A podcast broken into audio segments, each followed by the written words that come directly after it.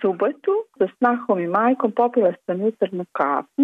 Razgovarali smo o mojoj haljini, kako bi trebala da izgleda, koje ću nositi na brataničnoj svadbi. Bilo mi je zanimljivo kada je majka počela da opisuje haljinu, da treba da bude duga, elegante sa otvorenim šlicom naprijed.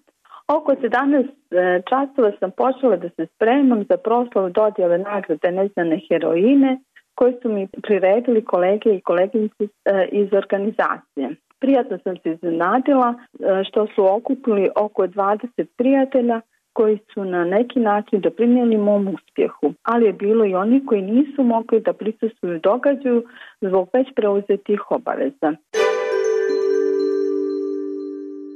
U nedelju, kako se menjao sat, majka koja me inače svakog vikenda budi u sedam, bez obzira što ne ide na posao, ostavila me da spavam do 9.30. Kako se zade da bude radna nedelja, u 12 časa mi je bila zakazana pokus grupe sa mladim djevojakama iz romske i gićanske zajednice, tako da sam prvo odradila fokus grupu. U dva e, časova mi je bilo, bio zakazan dubinski intervju sa predstavnikom Centra bezbjednost Nikšić na temu dječji ugovoreni brak. Prvog četvrtog po standardu majka me probudila oko 15 do 7 ujutro, popila smo kafu, majka, otac i ja.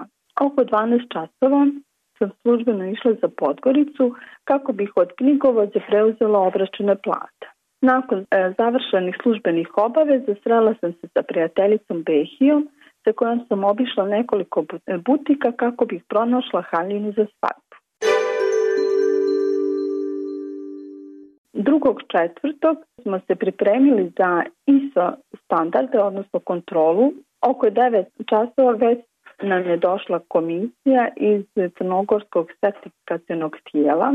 Koleginice i ja smo bile spremne da odgovorimo na sva pitanja koji su nam postavili i dostavili smo svu neophodnu dokumentaciju koju su nam tražili u toku provjere. Nakon provjere su istakli da su jako zadovoljni našim radom i da, da samo nastavimo da radimo ovom pravcu pružanje usluga i time nam produžili trajanje sertifikata. Oko 13 časova sam imala zakazanu fokus grupu sa Romkinjama i Egićankama na temu dječjeg ugovornog braka. U toku fokus grupe sam se malo razočarala kada je jedna od učesnica rekla ti Fano, sprečavaš svadbe, praviš grijeh, razdvajaš mlade koje se vole. Zatim sam pokušavala da joj objasnim da dječji brak od 13, 14, 15 pa sve do 18. godine nosi brojne posljedice sa sobom te zbog toga moja organizacija i ja radimo na suzbijanju tih pojava za dobro prvo svih djevojčica, a onda i celokupnog društva. Trećeg četvrtog koleginica i ja smo imale sastanak sa potpredsjednicom opštine Niši i predstavnicima sekretarijata za sport i kulturu pri opštini. Sastanak se održao na njihovu inicijativu povodom nagrade koja sam dobila od strane Evropske unije, neznane heroine. Također smo razgovarali i o trenutnom stanju kada su u pitanju pripadnici romske i egipćanske nacionalnosti. Kako organizacija radi u procesu licenciranja usluga za žrtve dječjih ugovorenog e, braka, koleginica i ja smo e, na sastanku pokrenuli temu mogućnostima za dobijanje e, prostora od strane opštine Nikšić na korišćenje što bi doprinijelo boljem pristupu zaštite žrtve dječjih ugovorenih brakova, što je u skladu sa Istanbulskom konvencijom i Grevijom preporukama.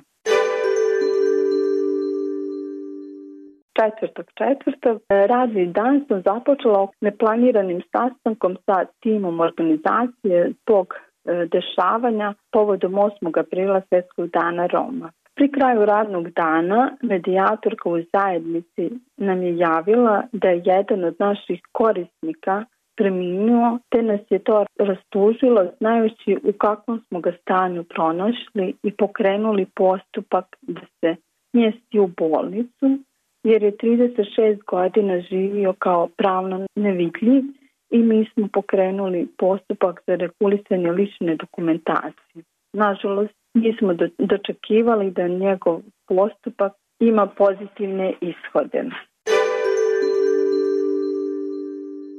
Peti i četvrti, imajući u vidu pripremu isprašaja bratanice, e, već je stigla brojna porodica iz raznih država i pripremali smo se za sutrašnji dan i počeli smo da se veselimo.